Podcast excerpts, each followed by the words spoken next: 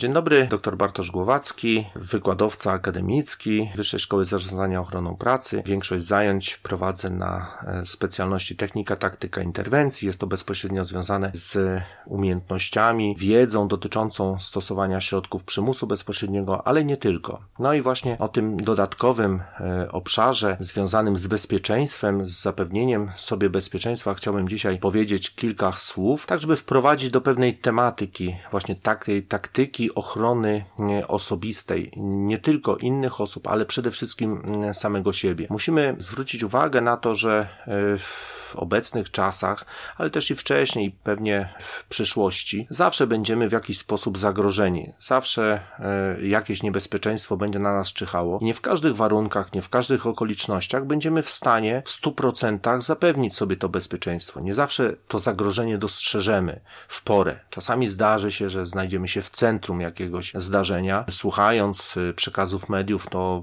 praktycznie codziennie możemy gdzieś tam wyczytać o, o, o jakichś wybuchach, o jakichś atakach, zamachach. Wiadomo, że nie, nie wszystko to się dzieje u nas w, w Polsce, prawda? W miarę jesteśmy tutaj y, obszarem, krajem bezpiecznym. Natomiast, no, biorąc pod uwagę y, świat, no to bywa z tym różnie. Będąc albo znajdując się w takim obszarze, w strefie niebezpiecznej, no, Tutaj możemy, mm, może to być nasze miejsce zamieszkania, może to być miejsce publiczne, miejsce pracy. Często y, osoby pytane, co byś zrobił, gdyby, mają jakiś schemat y, zachowań y, w głowie, no myślą dłużej, krócej nad tym, co by zrobili. I nasuwa mi się ciągle taka, nasuwają w zasadzie takie odpowiedzi, że większość osób pytana teoretycznie, co by zrobiła, to mówią, że podjęliby walkę. Nawet jeżeli mamy tutaj do, do czynienia z osobą uzbrojoną na przykład w nóż, no to często, y, szczególnie młodzi ludzie mówią, że a, chwyciliby jakieś narzędzie, by tego, tego napastnika atakowali. Ech, no pewnie wynika to z jakichś tam obserwacji, może filmów trochę, y, programów y, czy wiadomości przekazywanych o bohaterskich zachowaniach. Natomiast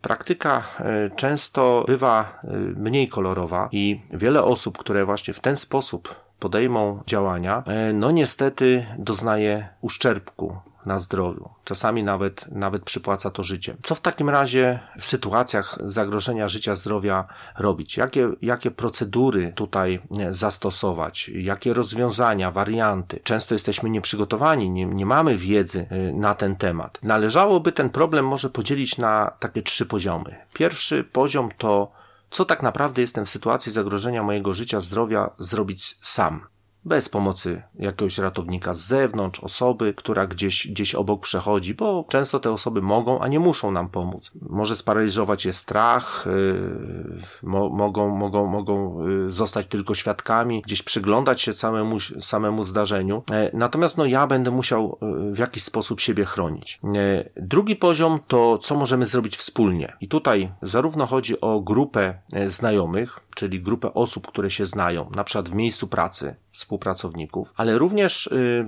y, osoby, które w danym miejscu przebywają i są bezpośrednio lub pośrednio również zagrożone atakiem. E, no i trzeci poziom jest to współpraca z różnego rodzaju służbami mm, ratowniczymi czy, czy porządkowymi. Zacznijmy może od tego pierwszego poziomu, no bo on jakby nas najbardziej dotyczy. Czego boimy się w sytuacji zagrożenia takiego fizycznego najbardziej?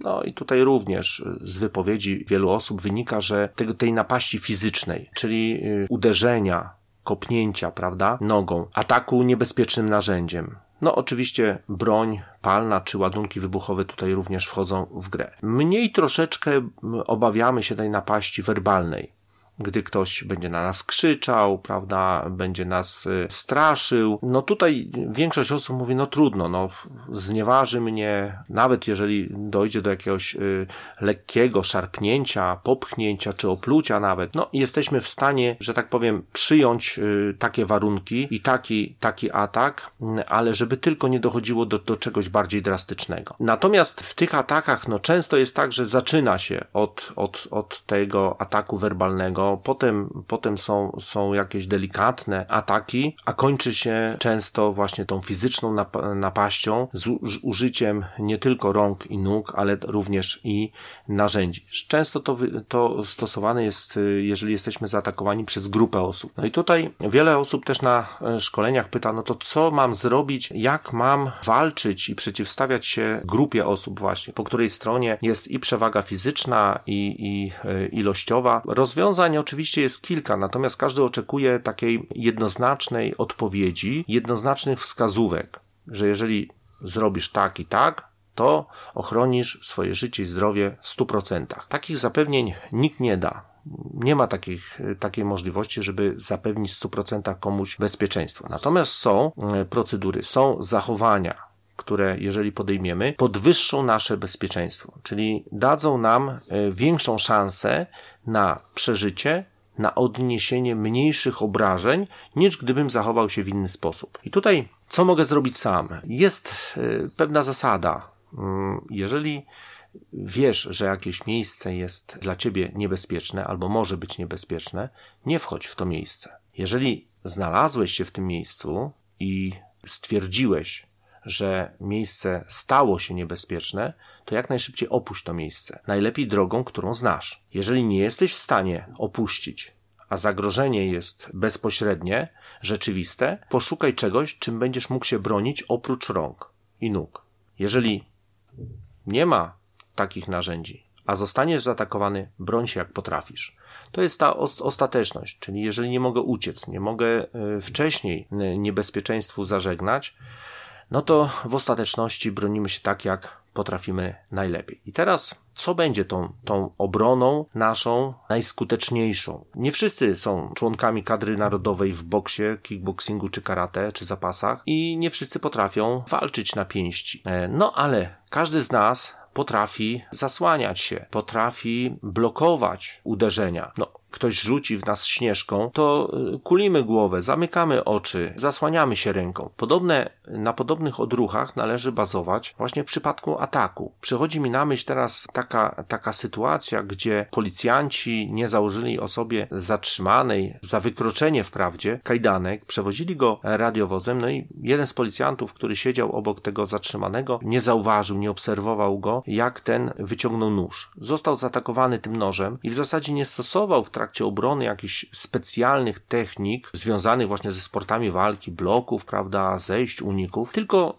tylko wyciągnął ręce przed siebie i łagodził w zasadzie skutki uderzeń, pchnięć nożem. Dzięki temu e, obrażenia, które, które odniósł, pozwoliły mu przeżyć. Rany były płytkie, a wszystkie były praktycznie w obrębie obręczy parkowej szyi i twarzy i bardziej cięte niż, niż tutaj pchnięcia wykonane i drugi policjant, który wbiegł mu do pomocy również został zaatakowany i podobnych obrażeń doznał, także nie stosując jakichś specjalnych tutaj technik. Wystarczyło się zasłaniać, aktywnie się zasłaniać. Nawet ci policjanci nie uderzali, nie kopali, po prostu się aktywnie zasłaniali i to uratowało im życie. My możemy w podobny sposób, w takiej konfrontacji z kimś silniejszym, większym, e, albo z grupą osób, która jest wobec nas agresywna, broni się właśnie w taki aktywny sposób. I to jest, to jest dobry sposób obrony, ponieważ gdybyśmy chcieli oddawać zadane nam ciosy, podjęlibyśmy taką walkę aktywną. Często osoby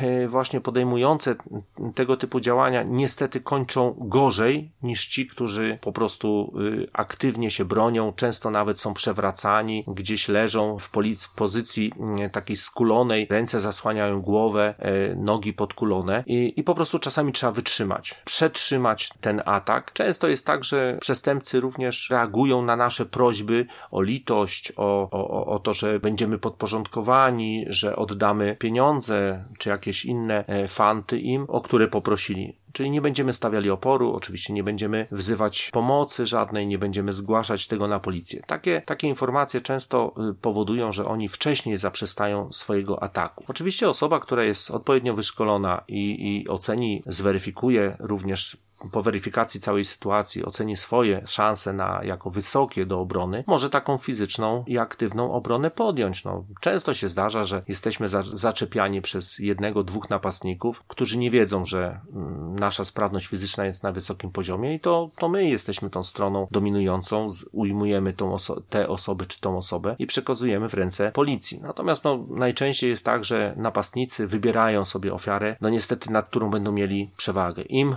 ktoś według nich jest e, sprawniejszy, mocniejszy, no to tyle, tylu też ich bierze udział, prawda? No, rzadko mm, atakują jeden na jeden, najczęściej gwarantują sobie przewagę ilości napastników, prawda, liczebną i, i, i fizyczną yy, również. Drugim takim ważnym problemem jest yy, to działanie w drugim poziomie, czyli zespołowości. Jak możemy razem przeciwdziałać takiemu, takiemu napadowi, atakowi. Jeżeli jesteśmy w grupie osób zorganizowanych, y, takich znajomych, prawda, tutaj y, nasze szanse znacznie rosną. Rzadko się zdarza, żeby jedna, dwie osoby jakby fizycznie zaatakowały grupę osób. Oczywiście, jeżeli poczują, że, że e, zdominowali tą grupę, zastraszyli i że te osoby nie podejmą żadnego działania, no to może to ich zachęcić do, do nawet fizycznego ataku. Natomiast no, jeżeli zauważą naszą taką dość odważną postawę, że będziemy reagować, musimy im to pokazać i niekoniecznie mówiąc, ale swoim zachowaniem. Ja tu tam przykład, bo daję często ten przykład na zajęciach. Weszło dwóch chłopaków o godzinie tam chyba była 23.30 na pętli tutaj pod spotkiem na rondzie i jechali w stronę rynku. Weszli do tramwaju, szli sobie przez, przez wagonik i zaczepiali po kolei osoby. Jednego, jedną osobę za, zaczepili, drugą, trzecią, czwartą, e, wyśmiewali się z okularów czy, czy, czy szczapki jakieś. Osoby było, było tam około 15-20 osób i tak naprawdę nikt, e, nikt nie zareagował. Dali się zdominować te, te, tym, tym dwóm osobom. Nagle w, w pewnym momencie, gdy oni szli sobie tam w kierunku przodu, jedna osoba z przodu wstała. Młody chłopak wstał i zwrócił się do nich. Oczywiście skierował na siebie ich, ich agresję, posypały się groźby, zaczęli do niego podchodzić, ale w tym momencie wstał mężczyzna, który siedział po drugiej stronie, wstała kobieta, która siedziała za nim, wstała następna osoba i nagle to, że kilka osób zareagowało, oni się cofnęli stanęli. Oczywiście dalej była, był atak słowny, ale już y, nie zrobili ani kroku naprzód. Nikt nic nie mówił. Wszyscy tylko wstali, podnieśli się. Podeszli do drzwi i wysiedli na pierwszym przystanku. Oczywiście straszyli, oczywiście chcieli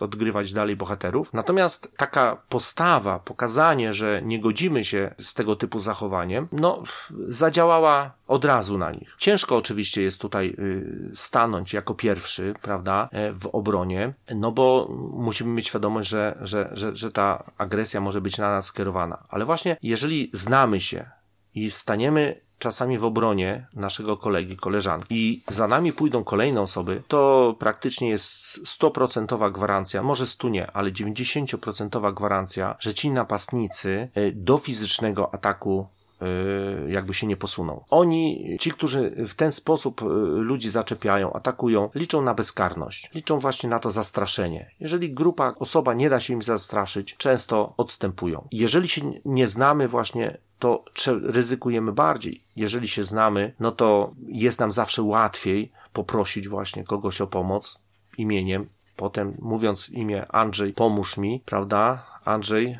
chodź ze mną. Potem jakby wymusza na tej osobie jednak tą odpowiedzialność. Łatwiej jest nam właśnie rozpocząć to działanie. Zawsze możemy porozumieć się wzrokowo z osobami. Ja osobiście mm, w podobnej sytuacji, tylko w autobusie właśnie byłem, też stanąłem w obronie jednego chłopaka i też nic nie powiedziałem, tylko, tylko postawą swoją. No, gdy wyszedłem z autobusu, oni wyszli za mną, zostaliśmy sami na przystanku, nikt nie wyszedł.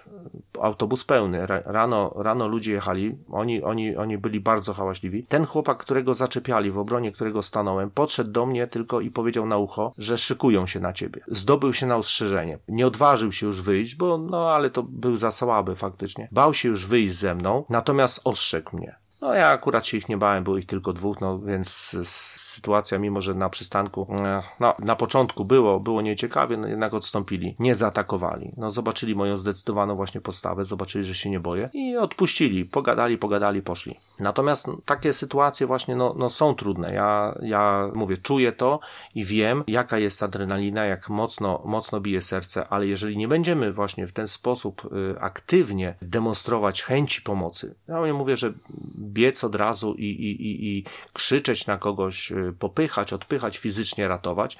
Natomiast tą swoją postawę jak najbardziej można zaznaczyć. Inny przykład podam, który też się sprawdza w praktyce, jeżeli widzimy z daleka, jak y, jest ktoś, kto jest zaczepiany, prawda? No widzimy, że ma problem. Można z daleka krzyknąć, tylko nigdy do, do tych osób, które atakują. Zawsze krzyknąć na przykład Krzysiek, chodź, bo czekamy na ciebie ich zignorować, ale chodzi o to, żeby oni usłyszeli, że jest świadek, który widzi ich zachowania. Bo powtórzę, każdy przestępca liczy na to, że jego zachowanie, jego przestępstwo nie wyjdzie na światło dzienne i on uniknie kary. I to jakby ich y, nakręca, napędza, czasami motywuje, do działania. No i oczywiście większość, widząc tą swoją szansę, że unikną kary, no, liczą na jakieś łatwe zyski, prawda, na, bo, to, bo to są kradzieże, to są rozboje, to są napady. Więc tutaj, jeżeli pojawia się świadek, ta kamera, która rejestruje całe zdarzenie, no dla nich już to sytuacja niekomfortowa. Lepiej odpuścić to zdarzenie, ale bezpiecznie oddalić się i poczekają, będą czekać po prostu na następną ofiarę, która nie będzie miała takiego szczęścia. Ktoś powie, no ale jak nie będę znał tego chłopaka, czy, i, i, nie będę mógł krzyknąć imienia. Krzyknijmy jakiekolwiek imię. Tu nie chodzi już o, o, o, to, żebyśmy trafili, chodzi o reakcję. Można, tylko że robimy to, e, jeszcze jedna uwaga, z bezpiecznej odległości. Należy pamiętać zawsze, że ta agresja, atak może zostać przeniesiony na nas. I wtedy musimy mieć pewność, że zdążymy uciec z tego miejsca i unikniemy ataku tych osób. Można stanąć w bezpiecznej odległości, wyciągnąć telefon i nawet udawać, że nagrywamy. Nawet jeżeli nam bateria siądzie, to, to wystarczy tylko telefon, miejsce jakieś y, zagrożone, skierować, gdzie coś się dzieje i pokazać, że nagrywamy to prawdopodobnie do przestępstwa już tam nie dojdzie. Dojdzie do przepychanek, do, do gruźb ewentualnie, ale często takie osoby odstępują. Chyba, że przestępstwo już zaistniało, no to znowu musimy mieć pewność, żeby, że uciekniemy z tego miejsca, bo mogą chcieć odzyskać to nagranie, no żeby je e, żeby nie, nie stanowiło przeciwko nim dowodów. I ostatnia, e, ostatni poziom to jest to ta współpraca ze służbami. No tutaj jest bardzo ograniczona albo bardzo krótka, ale bardzo ważna. Przed rozpoczęciem najczęściej takich działań, można nazwać je ratunkowymi, ale tutaj tej pomocy, powinniśmy w pierwszej kolejności powiadomić służby. Może się zdarzyć, że dane zdarzenie trwa 2, 3, 4, 5 minut. To jest jeżeli będziemy tam przybywać w tym miejscu, będziemy to monitorować, e, a wcześniej powiadomimy służby, to jest tak jak w pierwszej pomocy przedmedycznej. Jeżeli mamy osobę nieprzytomną, to nie zabieramy się do, do przywracania jej funkcji życiowej, tylko najpierw sprawdzamy, zapewniamy sobie bezpieczeństwo własne i powiadamiamy służby ratunkowe, żeby one już jechały, a my rozpoczynamy wtedy tą naszą akcję ratunkową. I tutaj jest bardzo podobnie. Najpierw bezpieczeństwo własne, potem służby, pomoc, można, popro można poprosić inną osobę, żeby, żeby to zrobiła za nas, a potem działanie nasze. Tak, żebyśmy wypalili ten czas do przyjazdu służb, żeby dać tej osobie szansę na przetrwanie. I uwierzcie mi, że wiele osób, bo wiele szkoleń prowadziłem, mm, y, o wielu zdarzeniach rozmawiałem, jeżeli zobaczą, że ktoś chce im pomóc, że ktoś nie ucieka z miejsca, tylko pozostaje, nagrywa, że mają to wsparcie, już nawet nie fizyczne, ale tylko, tylko takie, że z tą osobą pozostajemy, to jest bardzo dużo. Ta osoba widzi jakby sens i cel obrony, że ma szansę przetrwać. Jeżeli zobaczy, że tej szansy nie ma, to się poddaje i przestaje działać. No pamiętajmy też, że taka osoba zaatakowana nawet werbalnie, no po prostu może być sparaliżowana. Często jest tak, że musimy wiele rzeczy za nią robić. Gdzieś w miejscach pracy, gdy jest osoba agresywna się pojawi, no tutaj ta osoba nie jest w stanie z tym agresorem rozmawiać. Musimy jakby przejąć tą rozmowę, rozdzielić te osoby, tą naszą ofiarę zaatakowaną w ogóle najlepiej wyprowadzić z tego miejsca, żeby ten agresor na nią nie patrzył. To jest bardzo duży stres dla tych osób. No,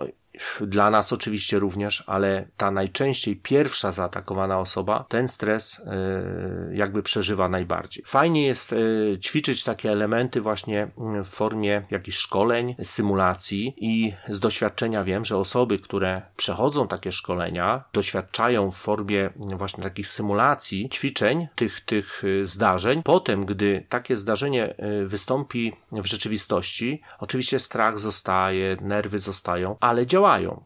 Tak jak na ćwiczeniach zostały no, wyuczone, że masz zrobić to, to, to i to, pójść w to miejsce albo w to, one tak robią. Robią to na zasadzie odruchu.